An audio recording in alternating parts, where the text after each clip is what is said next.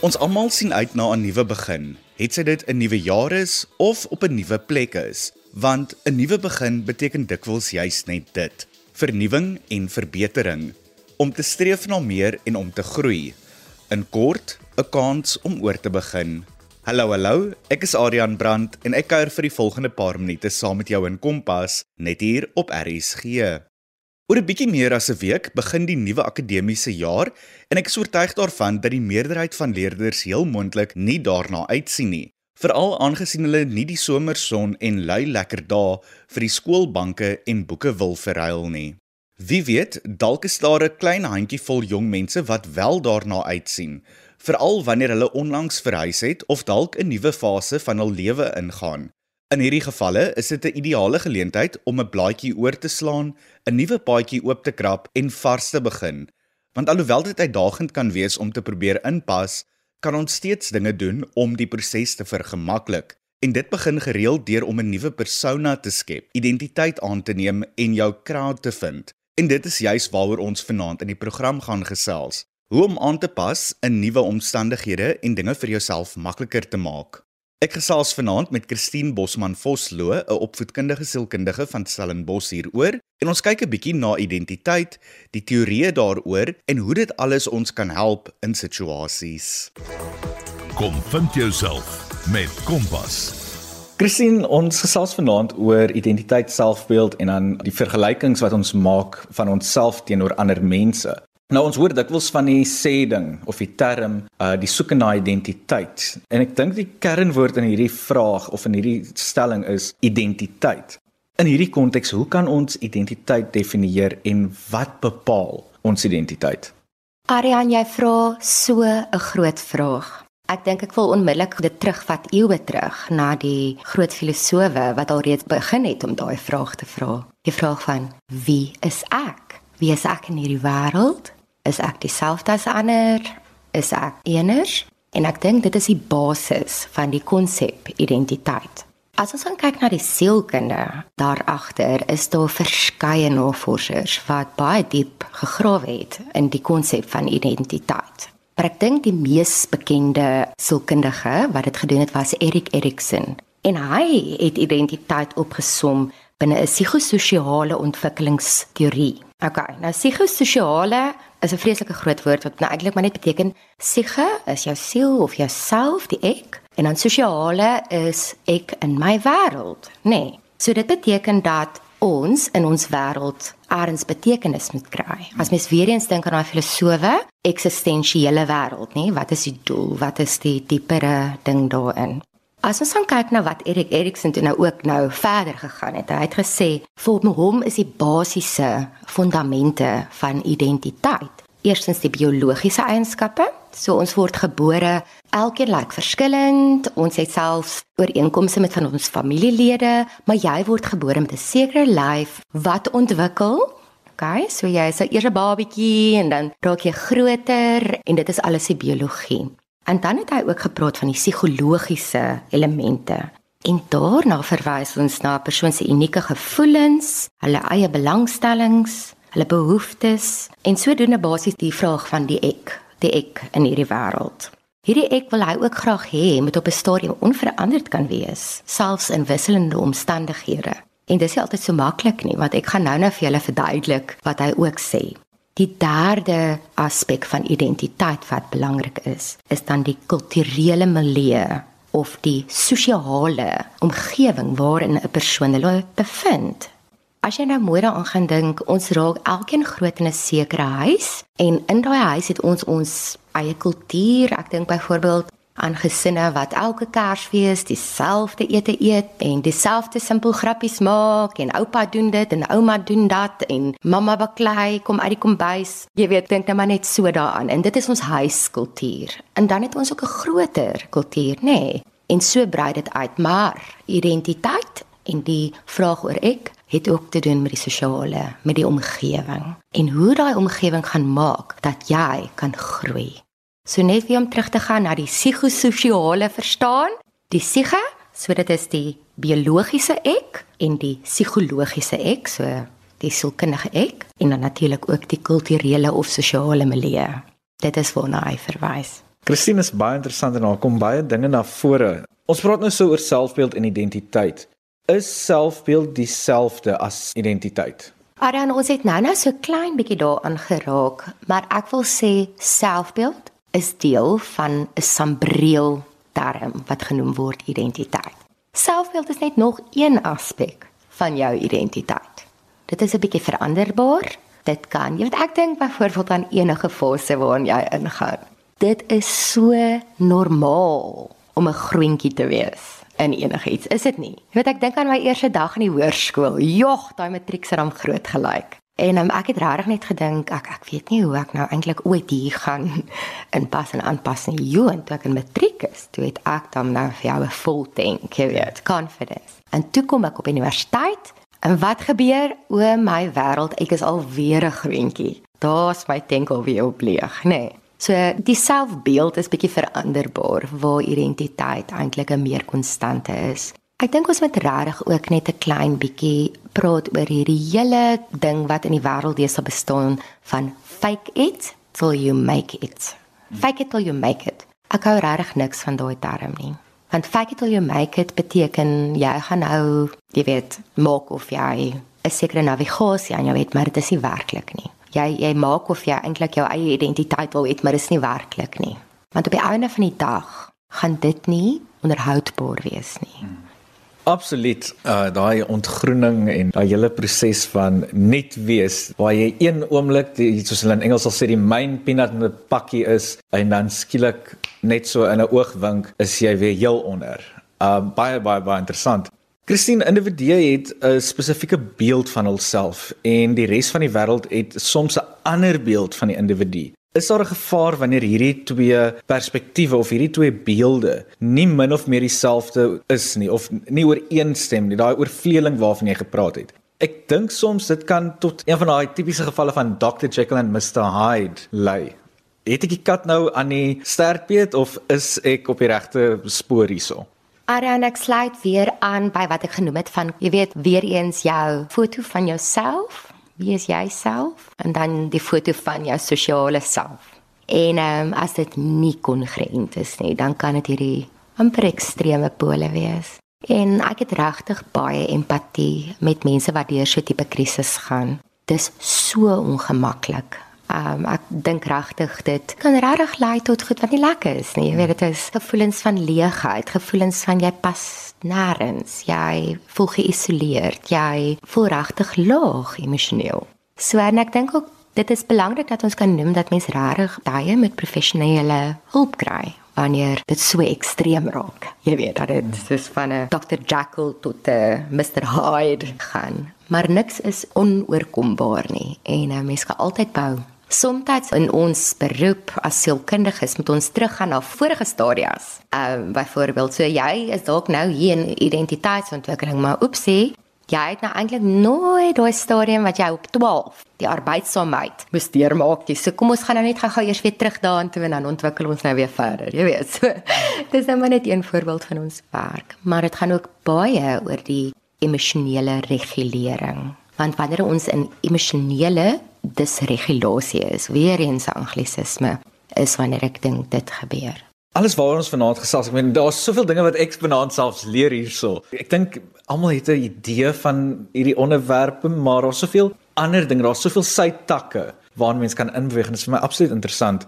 Christine ons het geraak aan identiteit en hoe ons onsself aanskou. Dit wil sien ons onsself as eksklusief een ding, byvoorbeeld die die voorbeeldige prinses, die skool rugby jock en so voort. Ten spyte van die feit dat daar meer tot onsself is. Ek dink daar's soveel aspekte, daai verskillende milieus soos ons van vroeër gepraat het.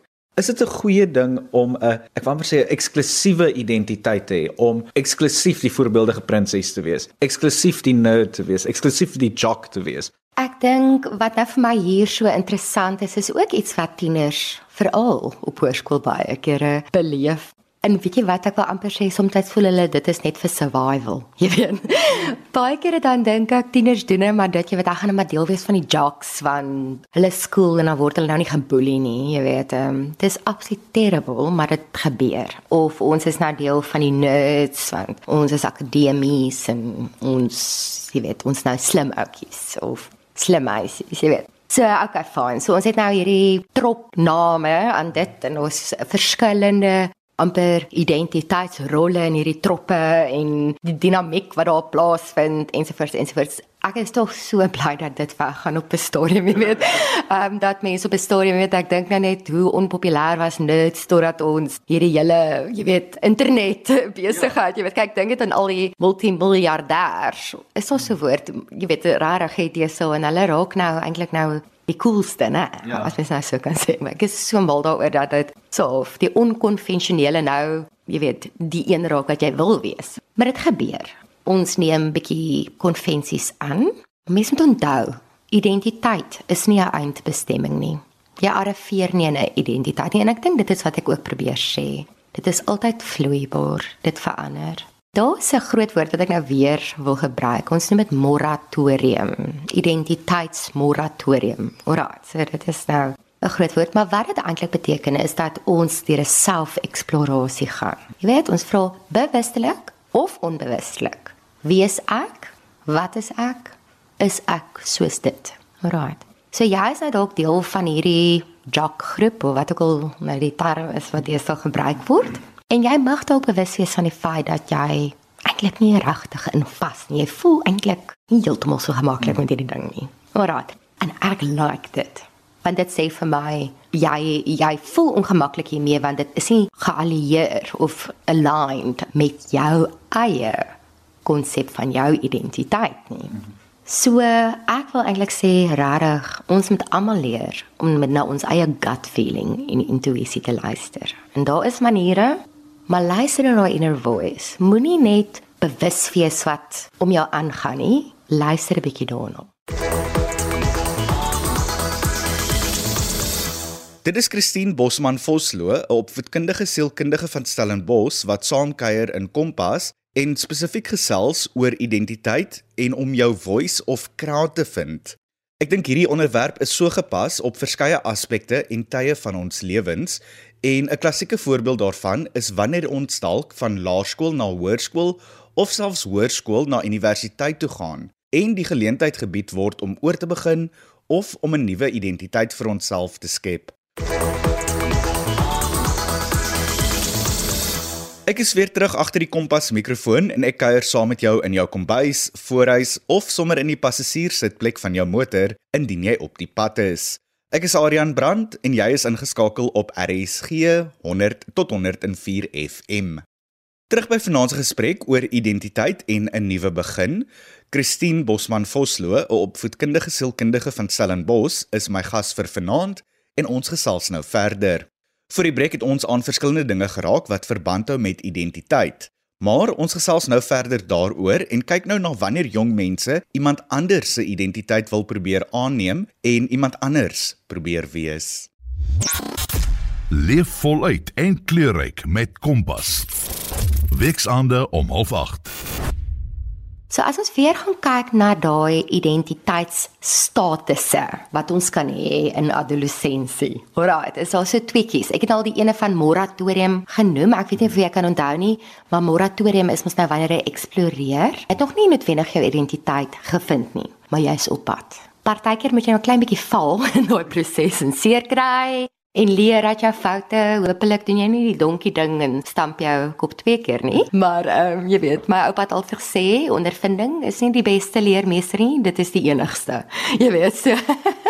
Jy weet mense moet maar deur dit gaan. Maar ek het ook 'n bietjie gepraat van die vooraf bepaalde identiteit wat daai rigiditeit teweegbring, maar dan wil ek ook 'n bietjie aansluit by wat ons noem 'n defiese identiteit. Nou julle wat biologie op skool het, sal dalk of skyn dat ek kan nie eens meer so lank terug onthou wat ek dit so mooi geleer het, maar in identiteitsterme is 'n defiese identiteit is a person that's all over. Hulle is nie op soek nie, hulle is nie besig om te eksploreer nie. They just go with the flow. O, hier waar die wind, okay, dan gaan ek hier na toe. Wat daar gaan die mense nou daan toe? ek nou gaan ek ook maar daartoe. En ehm um, weet jy ons sien dit so baie in my praktyk byvoorbeeld wat jy ongelooflike talentvolle mense kry. Maar ja, iemand anders sal dalk sê hulle is rigtingloos. Hulle weet nie waar te nie. En hulle wil ook nie. Jy weet hulle is amper nie lus om te wil weet. Nou die defiese identiteitsstatus um, is bietjie problematies. Jy weet jy kry byvoorbeeld mense wat sien maar op 'n gap jaar gaan om hulle self te gaan vind. Hulle gaan nou oor see en dan kom hulle net nooit weer terug nie. Hulle o, okay, lag na Thailand toe. O, wag, hier in Korea. O, jene, ek ek sien in Engeland. Jy weet in wat ek al, okay, of okay, dan kom ek maar terug Suid-Afrika toe. O, wag, hier is my pal in die restaurant wese. Kom ek gaan werk daar. So dit is amper soos jy's net all over. En dit kan gevaarlik raak. Maar ek wil tog sê dat jy weet daai wat mense wat jy gesê dat mense partykeer regtig net nie verkies om nou 'n identiteit aan te neem nie. Kan ook wees dat jy onbewustelik met jou gut feel en jou eksplorasie nie voel of jy aan daai groep wil behoort nie. Ek wil ook 'n klein bietjie aansluit by, ja nee, ek het die eerste keer van hierdie term gehoor by Kate Winslet van alle mense. Ek weet nie of jy luisteraars nog vir Kate Winslet sal ken nie, maar sy is een van my gunsteling aktrises en sy praat van imposter syndrome. Nou imposter syndrome en ek dink jy daar is 'n beter, ek weet nie wat sal die vertaling wees van imposter nie, maar binnendringer of indringer syndroom kan wees wanneer jy byvoorbeeld jouself in 'n milieu bevind of in 'n groep bevind wat jy voel Ai, ek pas nie in nie. Maar kan maak of ek inpas. Ek gaan, jy weet, ek gaan nou maar net deelneem. Kyk nou na Kate, nee, sy het soveel Oscars al gewen en soveel sukses al behaal ten spyte van dit. Maar ek dink wanneer mens daai voel, daai bietjie amper ongemak en en en so, is wanneer jou identiteit, jou navigasie nie op die voorgrond is nie. En wanneer jy dalk 'n klein bietjie nodig het om terug te gaan en weer te gaan kyk, wat se rigting? Hoe lyk dit? Hoe wil ek myself bestuur?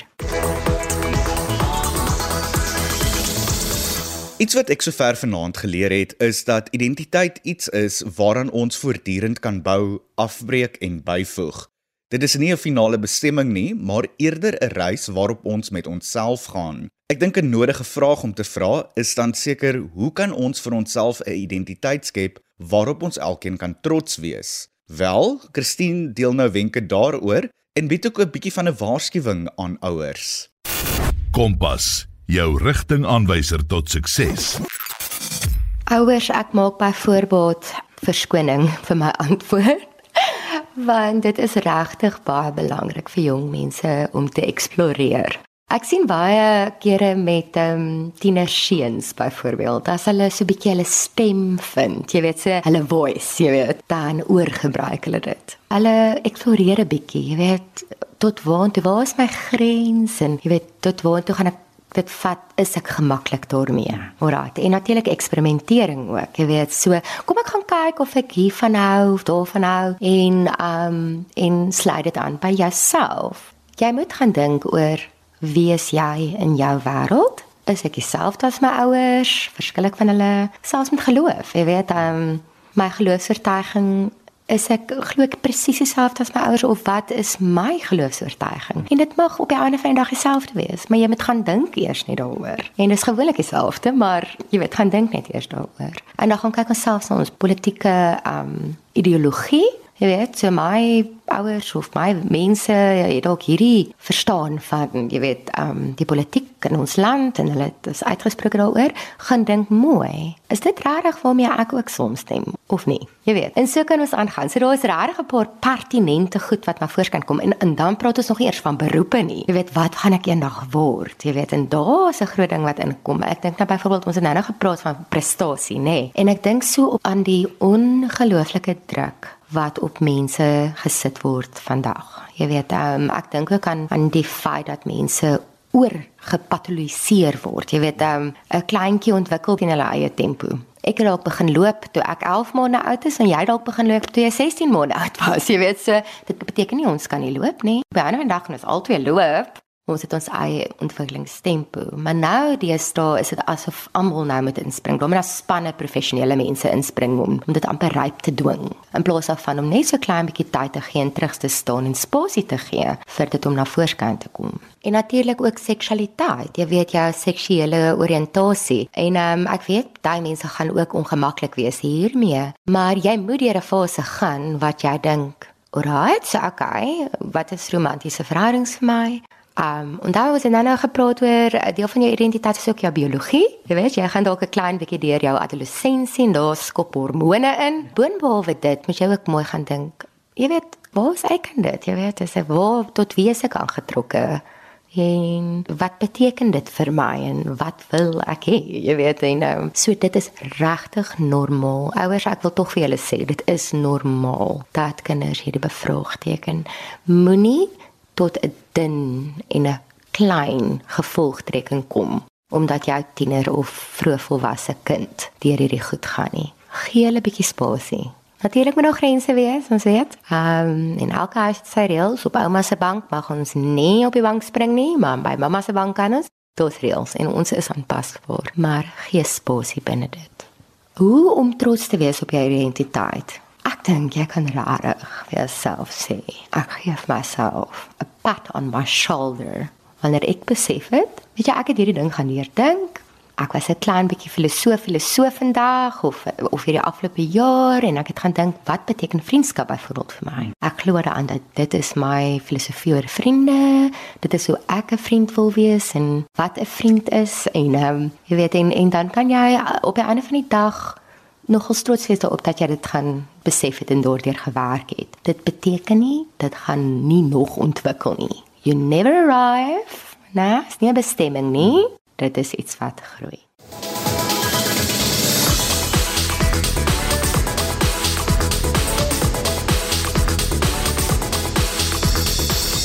Dit aan Christine Bosman Vosloo, my kompasgas vir vanaand, wat ook 'n opvoedkundige sielkundige van Stellenbosch is en wat oor identiteit gesels het.